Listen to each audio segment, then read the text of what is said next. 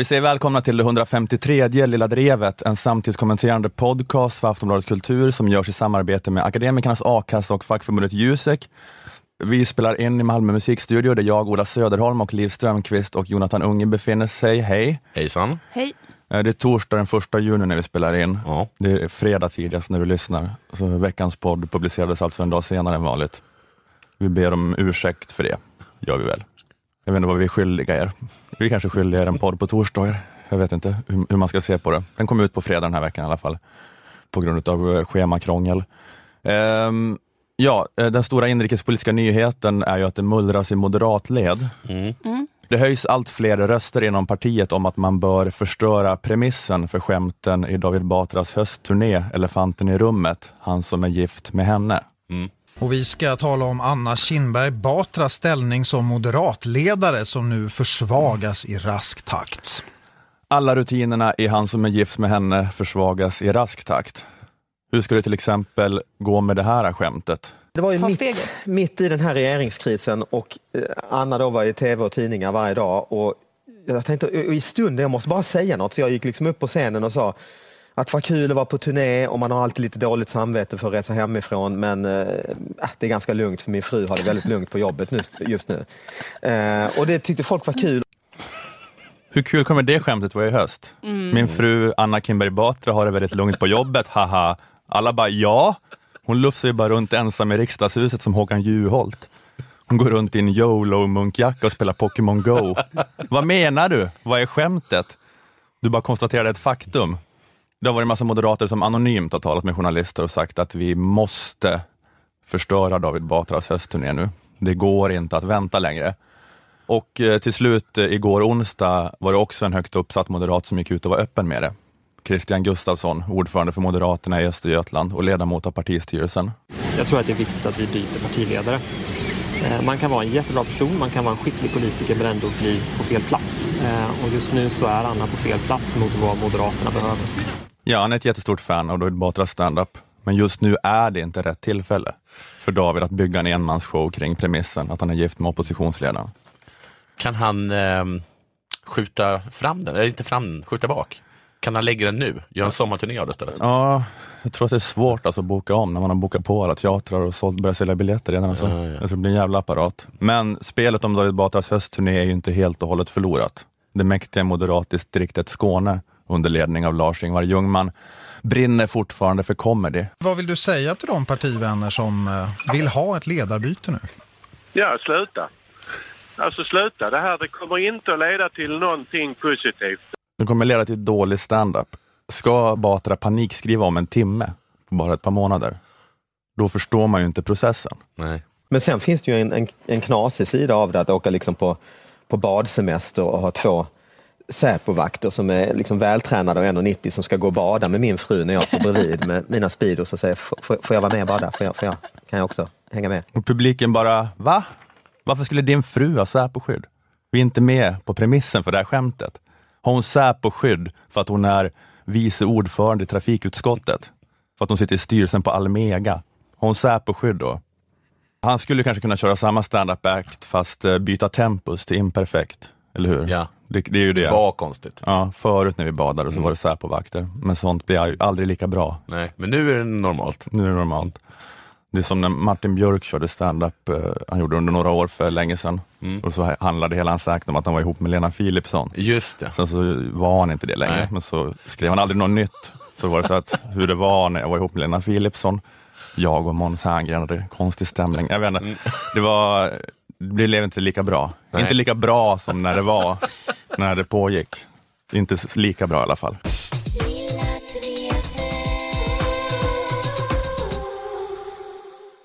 Okej, citat från Aftonbladet. Heter det citat när man läser upp ett stycke ur en tidning? Det är inte citat direkt va? Citat är någon, någon som säger någonting. Nej, men man kan väl ha ett citat och en tidningstext? Det eller? kan man. Mm. Jag brukar göra så att jag säger citat och sen slutcitat efter. Ja. Bara för att det ska vara tydligt när jag pratar själv och när jag Då ska jag läser upp något annat. Citat. Eh, Centerpartiet med partiledaren Annie Lööf i spetsen är den stora vinnaren i dagens stora mätning från eh, SCB. Partiet har en statistiskt säkerställd uppgång på hela 4,2 procentenheter, vilket innebär att man idag med 11,3 procent är nästan dubbelt så stora som i valet 2014. Och det här är den högsta siffran för partiet i en SCB-mätning på 27 år. Slutcitat. Wow! Det var inte dåligt. Slå Olof Johansson på fingrarna. Det är väl, Och hon, den där underbara Maud. hon hade aldrig så bra nej. Nej. The pupil has become the master. Säger man så? Eller? Inte pupil. The student. Student, The kanske. student Ja. has become the master. Och jag tror att Maud är stolt, att hon inte känner sig hotad. Och det tycker jag säger en hel del om centerkvinnor. Jag tror inte att alla liksom vet någonstans att det beror på att Moderaterna har varit så dåliga. Ja. Att det liksom är mycket, mycket, mycket, mycket, mycket, mycket det. Sen har Annie också varit duktig, men det är liksom kanske 95 procent. Du har, eh, vi återkommer till det. Citat. Centerpartiets partisekreterare Mikael Artursson är nöjd med Centerpartiets resultat. Vi är väldigt nöjda med att få ett ökat stöd samtidigt som vi vet att, inget val, att det inte är något valresultat. Det är över ett år kvar till valet och det är väldigt mycket kvar att göra.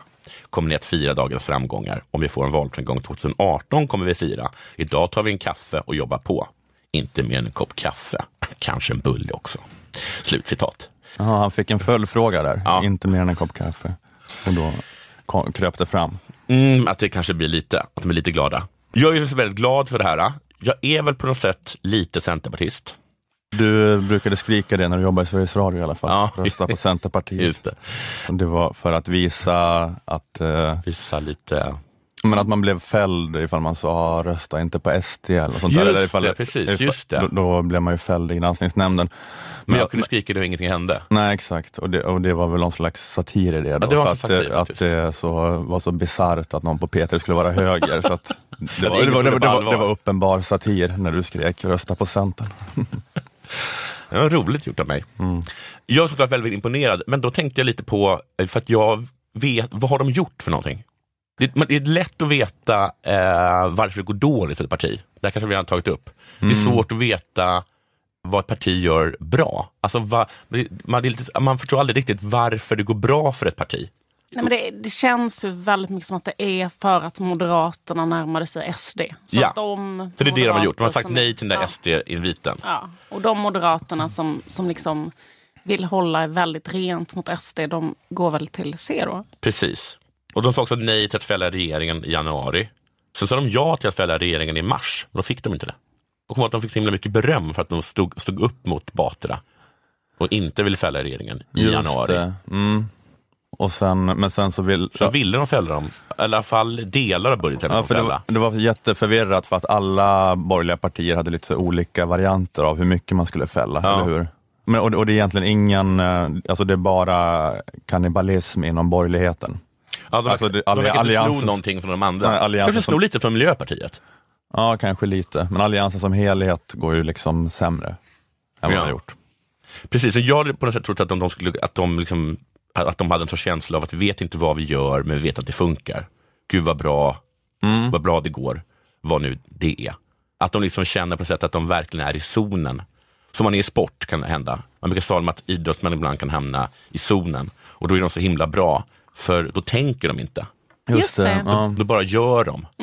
Så fort en, en måltjuv börjar tänka, ska jag sätta bollen i krysset eller ska jag göra en tåfjutt? Då går det åt helvete. Det så det har varit för när Annie har stått och skrikit i de här partiledardebatterna. Att hon har varit inne i en zo- i zonen då. Hon går bara på instinkt Mm. och det är rätt hela tiden. Men som du säger så är det då precis att det är så att det bara går så himla, himla dåligt för Moderaterna. Det, var någon som hade den, den eh, spaningen, jag vet inte om det var den där eh, borgerliga ledarskribenten PM Nilsson, men att alla partiledare som eh, klarar av att se glada ut Mm. när det är som pissigast, Mm. de får nästan alltid en rebound. Att de får en ny vår. Att så, Annie Lööf var ju så extremt mobbad. Alla tyckte Mm. att hon var så dålig och de hade typ 2 i opinionsundersökningarna och hon bara log som en idiot hela tiden. Bara var jätteglad jämt. När var det? Alltså Det var- 2015? Eller i början väl när hon tog över? Eller? Ja, det var som när de hade det där principprogrammet och hon var på Thailands semester så klubbade de med henne ett principprogram. Så här, men tillå, tillåta, jag vet inte vad det var, det var så här, mång. Månggifte. ja, månggift. Och, Var det inte att syskon ska få gifta sig också? Eller? nej, Nej. nej, det är någon liberala ungdomsförbundet i Göteborg som någon gång har sagt det. Som har superhet syrra.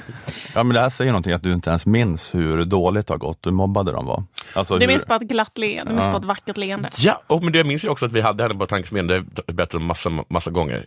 Och att hon just, då, då var hon väl extremt, då var hon väl då var hon mobbad. Men att hon var så himla glad. Och gjorde jazz hands och, så, och sådana saker. Just det. Jag tänkte liksom också på det för att jag är väldigt glad för Centerns skull, men jag oroar mig för att de kommer bli liksom det nya miljöpartiet. Alltså precis som du säger, liksom att de som, som kanske inte vill umgås med SD, de röstar på Centern istället. Så att de, och, så att de är, liksom är, de är liksom i opposition mot SD och mot, eh, mot sossarna. På ett sätt liksom som, som eh, Miljöpartiet var lite också. Liksom. Och så har de just den här ledaren då, Annie Lööf. För att Fridolin, jag vet inte om ni kommer ihåg det, men han var ju extremt populär. Folk hade förtroende för honom. Folk sa till mig att de gillade Fridolin. Det, det har man ju inte hört någon säga spontant på väldigt länge. Men det, det där är väl lite sådär att, eh, att det handlar lite om att hade Centern varit de som stått i regering så hade det ju varit Annie Lööf istället för Åsa Romson som hade lipat på den där presskonferensen om migrationsomläggningspolitiken. Jag tror inte, ja. han inte lipat väl? Nej, det hade hon kanske inte gjort, men Nej. hon hade fått stå och ta, ta skiten eh, liksom Men jag efter, hösten henne bli lite 2015. så att hon börjar darra på rösten. Jag tror hon hade kunnat börja lipa. Tror du inte det? Kanske. Men jag tänker liksom på att jag, jag brukar ofta säga att jag gillar Annie Lööf, men om någon skulle ställa mig frågan varför så skulle jag inte kunna svara på den. Och det skulle vara då att eh, jag tycker att hon har en härlig attityd.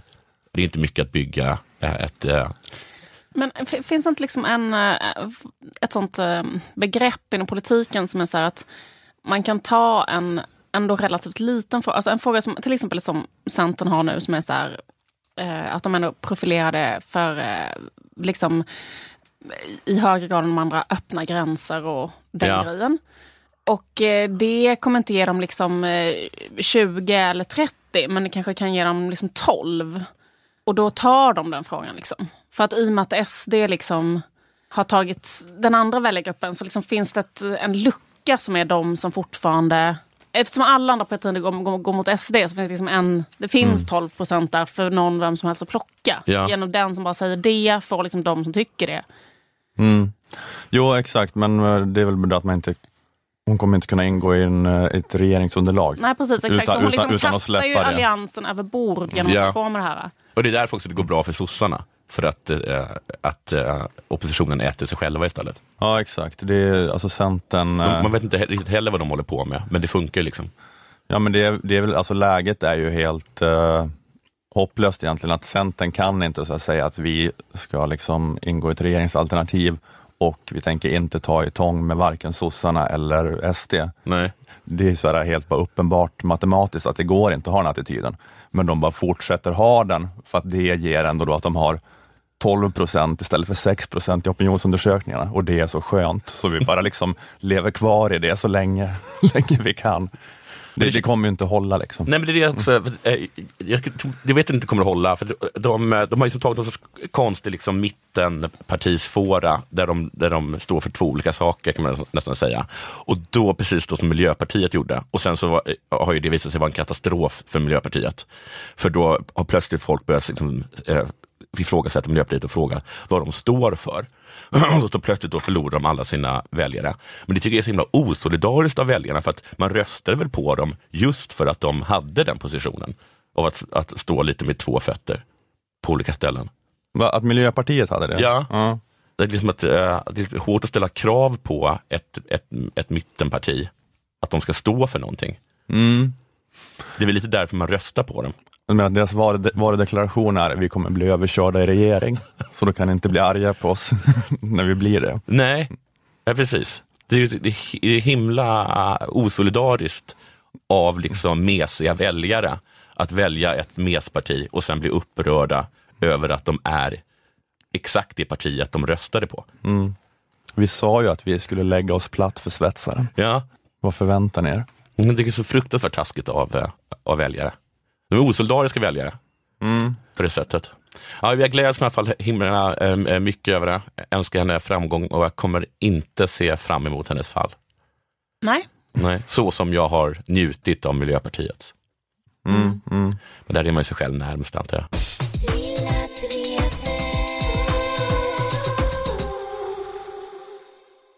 Jag och Liv och Jonathan kan sitta här och underhålla, inom citationstecken, svenska folket, inom citationstecken, tack vare våra sponsorer, eh, Akademikernas a-kassa och fackförbundet Jusek. Så vi vill säga tack till dem och berätta om eh, varför ni bör vara med i facket och a-kassan. Medlemskap i Akademikernas kostar bara en hundring i månaden och ger dig upp till 20 000 kronor i månaden om du skulle befinna dig mellan jobb och många akademiker, till exempel de som organiseras av Jusek, tjänar betydligt mer än a-kassetaket. Så det kan bli ett stort inkomstbortfall om man förlorar jobbet. Men om du är med i fackförbundet Jusek och tar del av deras inkomstförsäkring så är du skyddad ända upp till 80 000 kronor. Du får alltså 80 procent av lönen upp till 80 000 kronor. Att vara med i Akademikernas och Jusek kostar 351 kronor sammanlagt, så du lägger alltså bara till 251 kronor om du redan är a-kassemedlem. Jusek har just nu också kampanjen Vi vet, som handlar om att Jusek är fackförbundet för eh, samhällsvetare, ekonomer, kommunikatörer och för dig som jobbar som personalvetare eller systemvetare. Med Vi vet menas alltså att Jusek jobbar för några få yrkesgrupper och då har de också kunskapen om din specifika yrkesroll. Det är ett fackförbund som har stenkoll på just dina behov och det kan vara en fördel jämfört med vissa av de stora fackförbunden som har miljoners, miljarders yrkesgrupper som trängs under paraplyt, men Jusek har då bara sex. Så det är Vi vet. Jusek vet vad just du behöver. Så om du tillhör någon av de här sex yrkesgrupperna jag nämnde kan du ansöka om medlemskap i Jusek. Just nu får du också ett riktigt bra erbjudande om du går in på kampanjsidan jusek.se vi vet. Otroligt bra. Vi säger inte vad det är, du måste gå in där och kolla. Tack Akademikernas och Jusek.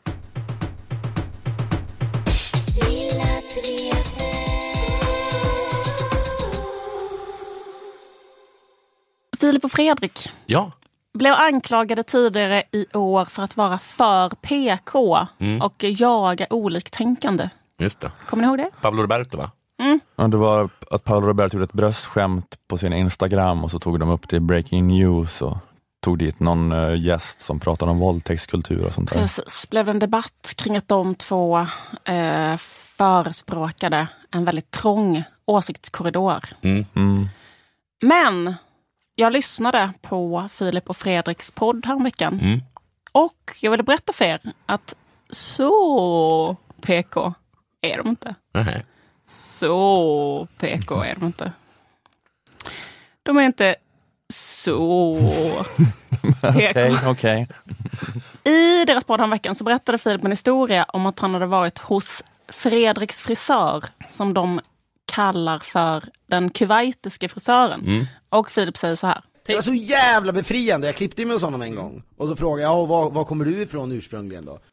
Men jag tänkte på att vi skulle stanna här bara en sekund. Ja. Därför att ehm, det här att fråga någon som har, man har liksom profilerat som en invandrare. Ja. Att fråga någon så här, eh, var kommer du ifrån från början? Då? Mm. Eller varifrån kommer du ursprungligen? Det är ju liksom, eh, eller vad ska man säga, det är liksom typ en av de vanligaste typ av de topp tre grejerna. Liksom när antirasister ska säga så här, eh, vad, vad är det jobbigaste eh, för rasifierade i vardagen på sånt slentrianmässigt sätt? Då är väl det, alltså förutom att säga rena glåpord, så är, det väl, så är väl det att man hela tiden får den här frågan, men varifrån kommer du egentligen? Ja, men det är också en så himla bra fråga. För det är en kallpratsfråga och den öppnar ju till så många följdfrågor. Ja, precis, men det- Jaha, hur är det där? Eh, Ja, men, men, men, men, men, men, men det är ändå liksom Jag en vet, jag fråga känner- jag känner till att det är det, Exakt, men jag tycker att det är fel att det är det. Ja, ja, det kan du tycka. Ja. Det får du jättegärna tycka. ja, men jag håller med om jag I en PK-diskurs är det ju fel att ställa frågan. Ja. eller? Men, ja, hade Filip varit medveten, att han var så super-PK-medveten Ja. person, så hade han, så här, hade han liksom övervakat sig själv till att inte ställa den här frågan till den kuwaitiska frisören, utan då hade han sagt, försökt ställa helt andra frågor. Precis, jag har en fråga som är så jävla bra, för den kommer öppna upp till så många härliga diskussioner. Men, Men jag kommer inte ställa den att- för jag vet att man inte också att om människor hade frågat er flera gånger om dagen, så här, Ja. varifrån kommer du egentligen? Ja, men är, Hade varit fler... jobbigt? Jo, ja, är det det? Ja, kanske. Jag, jag faktiskt tänkte lite grann på hur det skulle kännas och då tänkte jag så jag har äh, tyckt det var bra gjort. ja, men jag svarar ju på frågan var jag kommer ifrån hela tiden också. Det ligger ju en annan dimension i att bli frågad hela tiden om det är så här hela tiden så här, Ja. jag frågar dig detta Ja. för att du ser ut som Ja. att du inte kommer härifrån. Precis. Och det ser jag och understryker genom min fråga. Ja, men, jo, men det, det är du så här, det, hör inte riktigt till underförstått. Liksom. Fast man kan ju vara positiv ändå, men det finns liksom hela tiden... Eller? Jo, det är ju säkert så ofta. Eh, att, det, att det är den liksom exotifieringen som ligger bakom det. Men sen är det också ofta så att folk bara vill fråga var kommer du ifrån? Och det vill man fråga alla. Och då blir det konstigt att man inte ska göra det då med någon som kommer från inte Sverige. Ja. För då behandlar, då behandlar man ju dem annorlunda ändå, då blir det ändå fel. Liksom. Absolut. Men vi kan ändå enas om att det finns en diskurs, en Mm. Om. antirasistdiskurs, där man vill eh, understryka vissa saker. Mm. Eh, då är detta ett exempel man brukar ta upp, att hela tiden fråga någon, var kommer du ifrån? Och en annan sak man kanske brukar säga är så här, är du svart så kanske man är irriterad på att folk hela tiden säger, får jag känna på ditt hår? Det Eller- för... Eller eh, typ, jag har träffat Tiger Woods, känner du honom eller? Ja. Känner du eh, Bill Cosby? Jag vet inte. Det här, Vilka är dessa människor? för för det, här, var- det här var ju den här filmen Get Out som vi var och såg, eller hur? Det är en sån ny skräckkomedi. Har du hört det. om den? Just det, just det, just det, just det. Och det handlar då om att en svart kille som följer med sin vita flickvän hem till hennes familj för Ja. första gången. Och så är de liksom jätte, att de är så här lite weird då för att han är svart Ja. och sen så liksom utvecklar det sig till någon slags skräckfilmsgrej. Men då är det så här att den, filmen handlar om eh, att vad, saker man säger till någon bara för att den är svart. Att man så här, är omedveten om att man säger saker till någon för att man pratar med en svart person. Eh, men då i den filmen var det så himla mycket så här, åh, får jag känna på dina muskler, typ. Så här, blinka till tjejen, är det sant som de säger? Kolla ner mot hans skrev, så här, gå fram till honom, titta honom i ögonen och säga, jag tycker att Tiger Woods är en bra golfare. Och där kände jag lite så här att jag tror säkert att jag liksom bär på det här och liksom håller på och är, beter mig weird om Ja. man är svart. Men det där var fan inte subtilt, alltså. inte på det där viset. Jag går inte fram och så här, Barack Obama, tummen upp till alla svarta jag möter på gatan. Så jag kände liksom, att det handlar om det här saker man säger liksom till människor bara för att de är svarta. Men jag tycker liksom att, jag tycker att den här filmen eh, skildrade den här eh, hur man hur man liksom beter sig annorlunda mot svarta, men inte det som skildrades i filmen för att det var för osubtilt, men däremot recensionen av filmen. För den har fått mycket bättre recensioner än vad den förtjänar. Den är tre av fem, den har fått fem av fem av alla. Och det är för att de liksom, ja jag vet inte, att jag att det var, det var något rasistiskt med hur bra recensioner den fick. Var det så, de exempel du tog upp, var de med i filmen? För de är ju löjliga. Ehm, I alla fall, det finns såna här grejer som man alltid hör, som de, folk alltid säger. Ja. Det här är typiska exempel på rasism. Det är typ såna videor som folk brukar dela på Facebook, eller hur? Har ni, brukar ni få såna i, i era flöden? Nej. De är kanske från Huffington Post Canada. Och så är det så här hopklippta olika människor. Det kanske är så här, och så är det kanske så här f- bokstäver av olika färger. Och så är det så här, det ska vara så här pedagogiskt och enkelt och så är det olika kanske rasifierade människor som, som säger till exempel så här. Where are you from? Where are you from? No, no. Where are you really from? as soon as you tell someone that you're from Toronto or you're from a different part of the city, what they really want to know is, you know, where are you originally from or where were you? They just assume you were born somewhere else. I find it very offensive. It makes it seem like you're implying that I don't belong here when I was born and raised in Canada. Like, just because I'm Asian doesn't mean I'm not Canadian. It's almost like laughable at this point because it's like why can't i really just be from canada like what does a canadian you know really look like we come from a country that we say is you know so diverse we embrace diversity but yet it's like a shocker if somebody of color says they're canadian I think that that question is people trying to put you in a box, like an easily understandable box. Mm. Ja. Ja, man känner igen den här typen av filmer. Eller hur? Ja. Jag vet inte vem som gör dem. Eh, Men eh, den här är gjord av Huffington Post Canada. De här personerna berättar då hur det känns att hela tiden eh, bli frågad varifrån kommer du? Men Filip i, i sin berättelse har då perspektivet från andra sidan, kan man säga, andra sidan den här frågan och berättar då ur det andra perspektivet. Alltså hur kan det vara att vara en person som ställer den här frågan till folk som man då har profilerat som invandrare? Och det kan tydligen också innefatta vissa problem.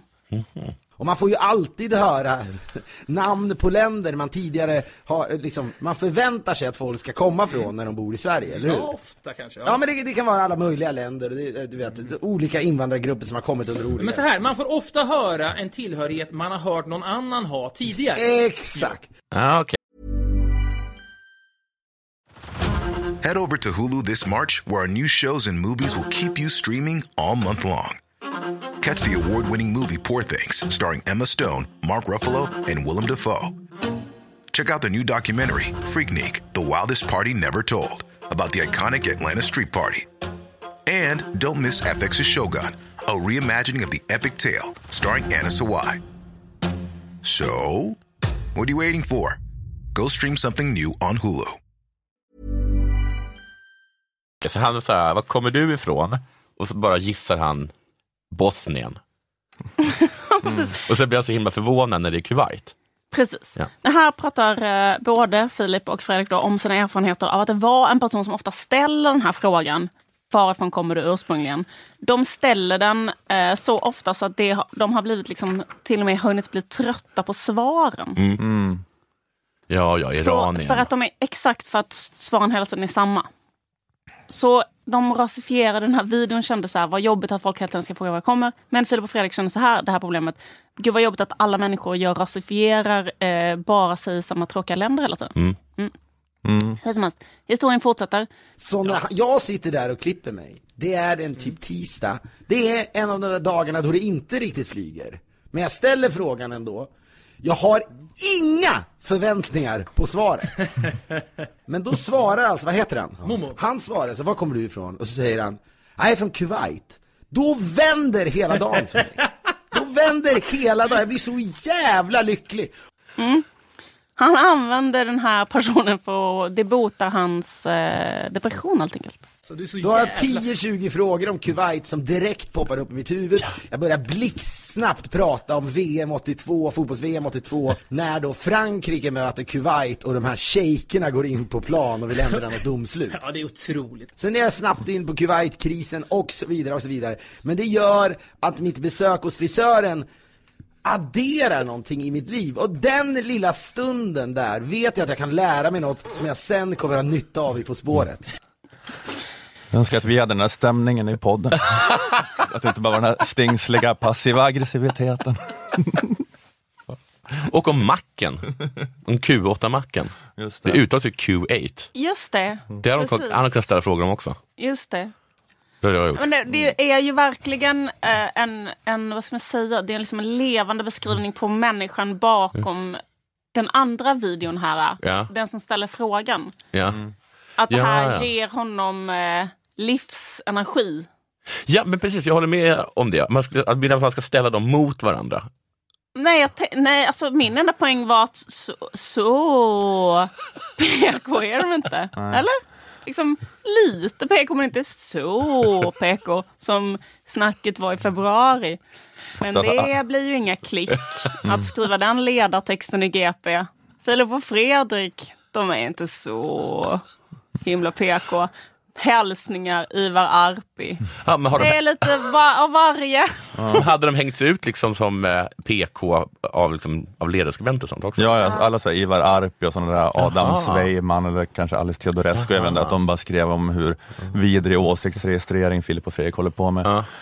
Men du, eh, du sk- skulle nästan vilja ha en ny ledarsida där, där, där en glad Tedesco Mm. skriver att ja, i senaste avsnittet så skrek de bög. Så, kanske, så att så farligt är det kanske inte. Jag var bara liksom nyansera bilden lite. Ja. Det är inte så. Jag hade kanske, jag kanske tog i lite. Men eh, precis. Mm.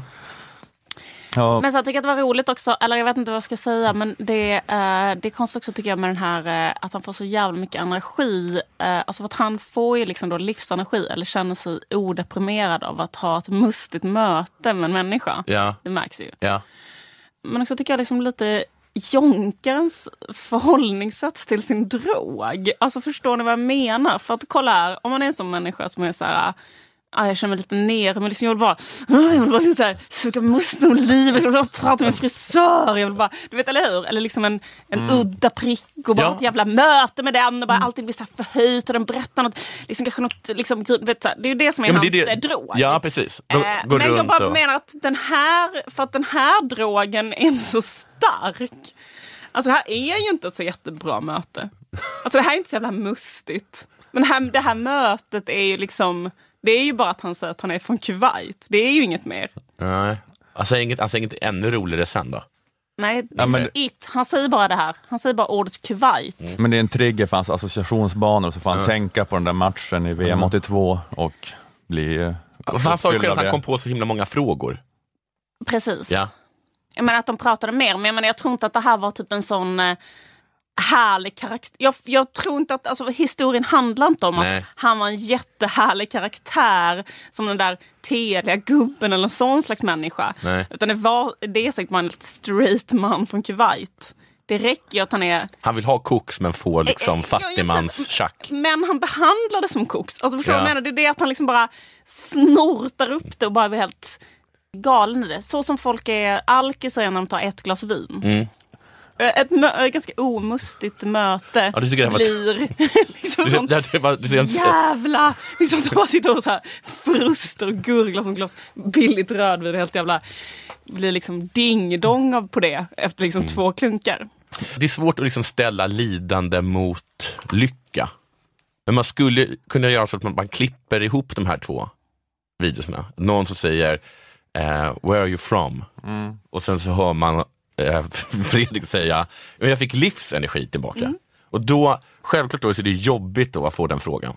Men om det, om det ger en svensk vit man just så det. himla mycket lycka. Mm. Du ska sätta Torbjörn Tännsjö på det här. Ja, precis. Och få en utilitaristisk Ja. eh, är analys. Du känner obehag, men uppenbarligen så random svensk, får reda på att du kommer från Iran, du räddar hans dag.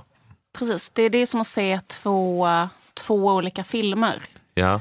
Där man har liksom, vad är motivet till att ställa den här frågan? Och vad är... Men precis, för att eh, man kan också tänka sig då att, ehm, att liksom det, det finns så pass positiva... Alltså det ver- verkar vara en fruktansvärt positiv upplevelse Mm. för honom. Ja. Det kanske bara liksom en lite halv... eh, Kanske en helt neutral upplevelse. Ja. ja, jag håller med om att det inte var så PK av dem. Det håller jag med om. Men jag tycker också det är så himla... För att, eh, Inte så PK. det var min enda med, med, Det jag ehm, ville säga. men med kallpratsfrågor. Jag frågade en person en gång vad den jobbade med. För det är en sån himla bra kallpratsfråga. Är det inte det?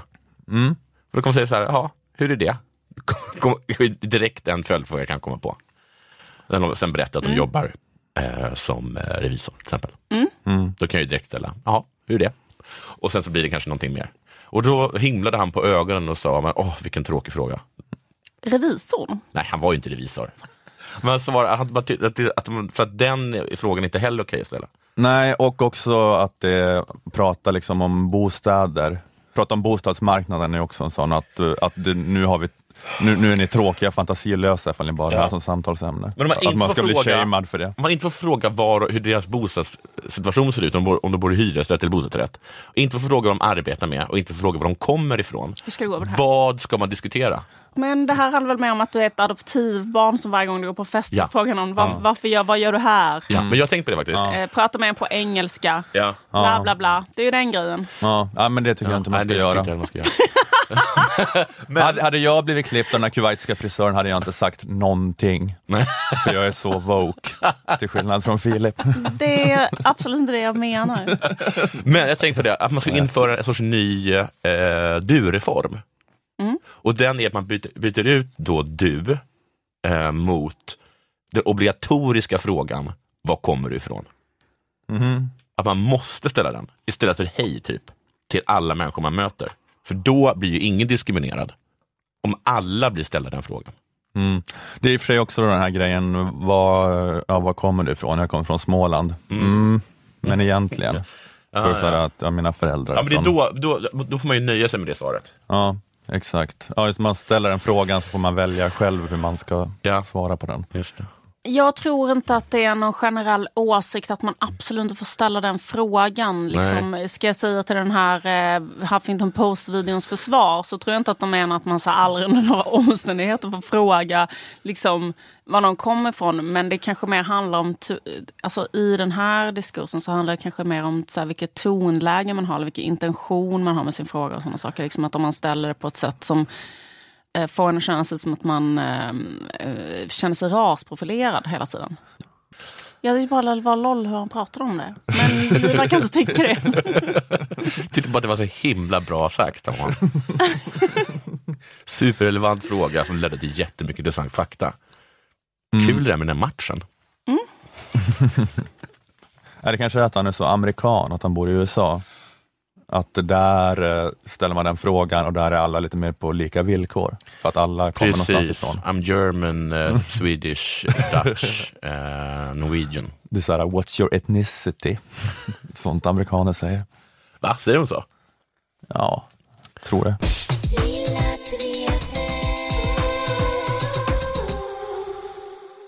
Jag tänkte att vi ska uppmärksamma When You Are Lärare. Det är Mm. Stockholms stads kampanj för att fler ska lockas till läraryrket. Till det engelska programmet? Eh, nej, bara Nej. läraryrket i allmänhet. Vi ska uppmärksamma den här kampanjen mest för att ingen annan har gjort det. Okej. Det är bara jag som har hört talas om den här kampanjen och en lyssnare då som tipsade mig om den. Jag kan inte credda lyssnaren för att, med namn, för hen skrev till mig via Instagram. Så det var bara ett Instagram-alias. Okej. DuPont DuPont, Mm. tror jag att hen hette på Instagram. Från Tintin? Ja, tack till DuPont DuPont för eh, det här. Äh, men vi, det, vi måste höja statusen på läraryrket. Det är den vanligaste sägningen i svensk politisk debatt och ett försök att göra det då, skapa buzz kring läraryrket, är kampanjen When you are lärare. Jag googlar på When you are lärare, det har 40 träffar på Google. Mm.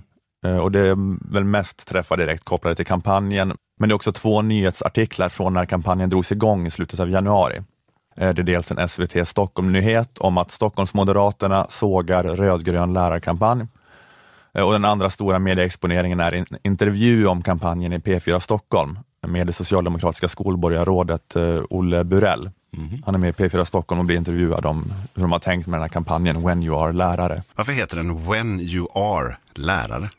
Ja, vad den heter är kanske inte det viktiga, men det är ett jättekul sätt att eh, uppmärksamma ett viktigt och utvecklande yrke. Men, men just det, jag, jag vill ändå veta varför den heter så på Ja, när engelska du, och när du är svenska. Det, det är någon som har kommit på det och jag tycker det verkar ju ha bra. Re- Reklambyråkonsulten som har kommit på det. Mm. When you are lärare. Det här when, det är eh, meme-språk, eller hur? Att det är ett populärt internetskämt. Är det? When you. Jaha, Ja, är just det? Att man Mm. kombinerar en when-text med en Ja, ro- ja, rolig bild eller GIF på någon kändis eller ett djur Ja. som gör något knasigt eller ut, gör ett ansiktsuttryck. Den här veckan hade kanske våra lyssnare kunnat göra det roliga mimet When it's torsdag and you upptäcker there's no new Lilla Drevet episode och så är det typ en GIF på Will Ferrell i Anchorman som skriker no Ja, i panik. Eller en ledsen hund. Just det.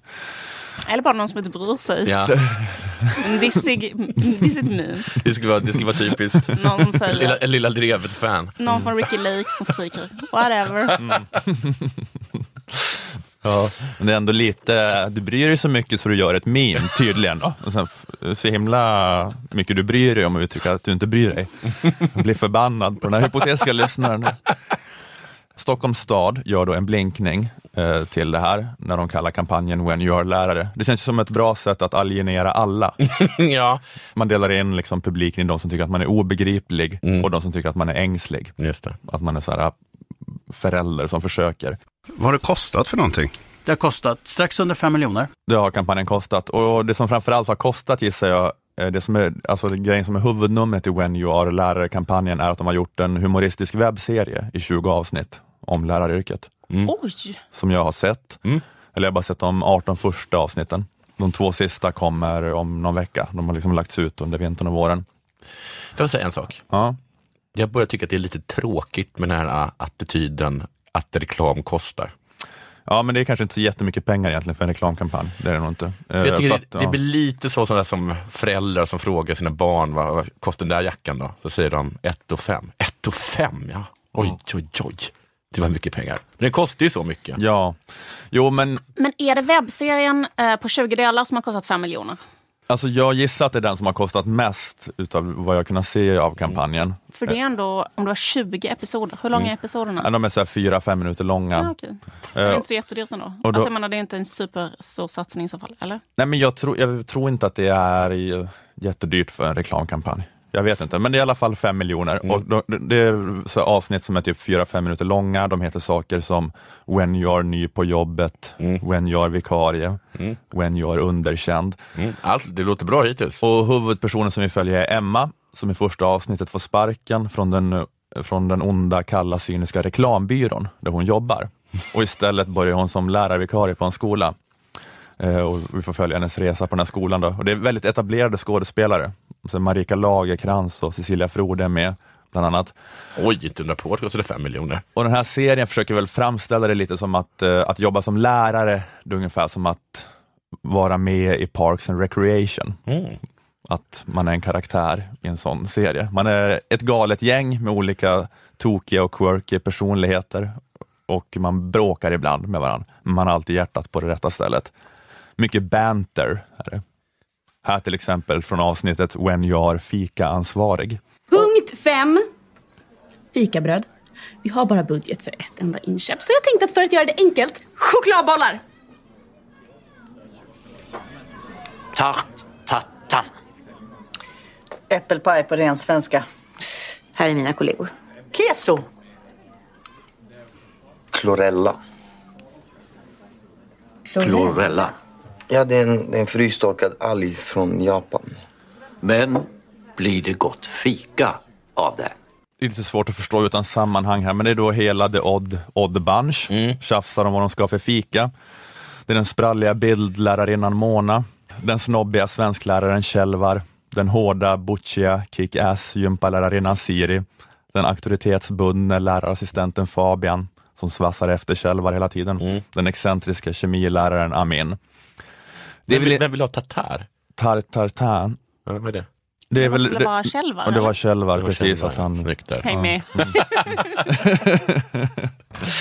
Men det är väl lite som ICA-reklamen där, Ja, fattar. kan man säga. Mm. Att eh, det är, eh, ja, och, och, Man vill göra det som ICA-reklamen har gjort för eh, butiksbiträde-yrket just det. för lärare. Mm. Men det var, det var en märklig grej i storylinen jag tänkte ta upp, att den här onda reklambyrån Hygiena Reklam, som huvudpersonen fick sparken från, de kommer då till skolan och ska pitcha någonting där på, för skolan, försöka sälja på dem någon dum kampanj. Kristina, jag håller inte med dig. Skolan behöver hjälp utifrån. Ja, men inte av konsulter, speciellt inte från en PR-byrå. Vi behöver bra lärare, that's it. Om fler lärare. Ja, rektorn på skolan, Marika Lagercrantz, bara nej, inget sånt här PR-skit, säger hon till Claudette, alltså Cecilia Frode från kommunen, som tycker att det är en bra idé att samarbeta med Hyena Reklam. Eh, men då den här sviniga reklambyråchefen Ebbe, han kommer dit i alla fall och, och pitchar. På 50-talet, då var läraryrket ett av de mest framgångsrika, mest attraktiva karriärsbanorna i Sverige. Du vet vad jag snackar om? Handlade det om trygghet? Handlade det om lön? Allt handlar om status. Därför så döper jag om er. Därför får ni en ny titel. Därför kallar jag er för Associate Education Directors. Och nu, nu respekterar jag er. Ja, men så det är väldigt meta eller, eller självmedvetet att alltså Stockholms stad, kommunen har betalat då en PR-byrå, fem miljoner för att göra webbserien When you are lärare och ett av budskapen i serien är hur dumt det är av kommunen att kasta pengar på PR-byråer, pengar som borde gå till fler lärare.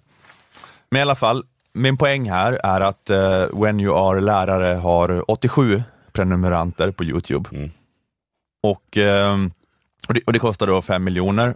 Det kanske inte så mycket för Det är liksom någon budgetpost de inte har använt känns det som. Alltså jag menar, de, de, för de har ju inte berättat om detta då, eller? För någon. Berätt. Alltså de är liksom, kan ju inte ha gjort någon liksom reklam för webbserien. Eller har, har de det? Och ändå har ingen kollat. För jag menar, det, det känns lite som att de har gjort en jättepåkostad webbserie och sen inte berättat att den finns. Nej, precis. De har gjort allt förutom kampanjen. Nej men det är väl en sån här kampanj i sociala medier och så. Jag vet inte exakt hur de har försökt få ut den. Men den har väl bara inte gått så bra. Alltså, jag tror det var typ 1200 klick på det, avsnitt ett och sen så var det kanske så här 100-150 på det senaste.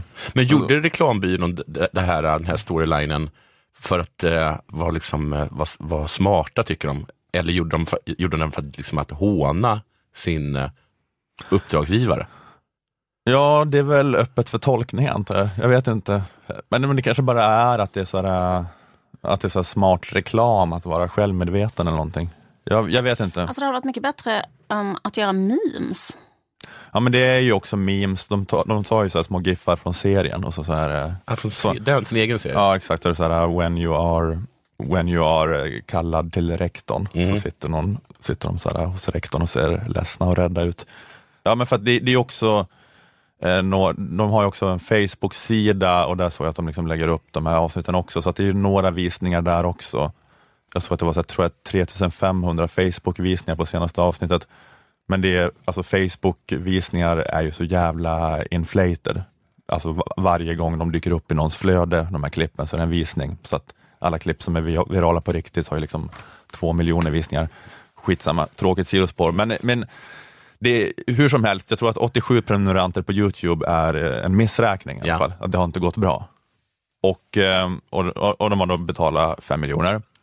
Eh, och det- enda jag egentligen ville säga till Stockholms stad är att för bara hälften av det hade jag i Lilla Drevet kunnat läsa upp ett sponsmeddelande om att det är coolt att utbilda sig till lärare.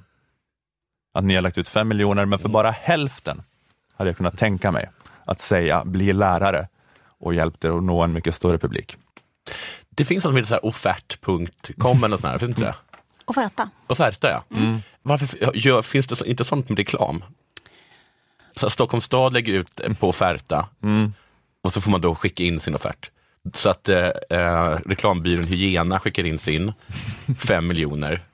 Ola skickar in 2,5. Just det. Eller är... Jag tror att det är så att ifall du säger så här, det är coolt att vara lärare, Mm. då kommer de att få, då kommer det att vända för läraryrket. Jag är, med, men jag är säker på att vi har fått mer än 87 träffar. Mm. Eller är vi redan sponsrade av Stockholms stad? Alltså är det här inslaget nu i Lilla Drevet det. en del av hela When Ja. You're Lärare-kampanjen? Att det bara är ytterligare en sån här metanivå och reklam som ska framstå som genomskinlig och självmedveten. Man ska ha en kampanj med ett lite töntigt namn, göra en eh, så lite awkward sitcom där svenska teaterskådisar leker Parks and Recreation, sen bli hånad i den populära podcasten Lilla Drevet. Det är en del av hela narrativet som var planerat från början och att vi liksom står på deras lönelista också. Att jag säger det här, vi kan läsa upp meddelanden istället om, om att bli lärare och då går Stockholms stad med på det. Ja. Då är det planerat och då kanske det blir en artikel i Resumé att de så här, reagerade så skönt på den här liksom, lilla dissen och sen så börjar vi läsa upp sponsmeddelanden om att man ska bli lärare och så blir det större uppmärksamhet kring det, att det, det är en cool grej. Som när Kres Kaviar släppte en, eh, en kaviar med ägg i. Mm. Och alla bara, gud vad äckligt. Och det var för att vi inte fattade att det var bara till för att vi skulle tycka det var äckligt. Ja, just det. Då skulle vi snacka jättemycket om Kres Kaviar. Hela kaviarn som eh, uppfinning har bara varit en sån grej. Det har hela tiden varit så här, något svinäckligt som alla bara ska bli jävligt liksom... De vill bara väcka starka känslor. Det är det som är så läskigt nu för tiden, att är vi redan köpta? Man vet aldrig nu med den här liksom infernaliska reklamen. Reklamen är så dold. Vad- Man vet inte var man själv slutar och var reklamen börjar. Nej, men grattis då, when you are, are lärare. Att de har lyckats. Att nu få ut det här. Mm, exakt. Nu har... eh, Nu äntligen blir det värt fem miljoner. Mm, alltså antingen, det kan ju vara så, det spelar inte så stor roll egentligen ifall jag, var, ifall jag är en del av kampanjen eller inte. För för jag, har gått kampanj. på det här baitet Ja. Mm. i alla fall, hur som helst. Det är som det här med American Apparel och deras medvetet sexistiska reklam då, för Mm. att feministiska bloggare liksom ska börja uppmärksamma det och så. Den här uh, DuPont DuPont på Instagram kanske var, lä- just läckte det till mig. Fan vad smart. Mm, han kanske var en del av kampanjen. Eller hon. Hon, just det.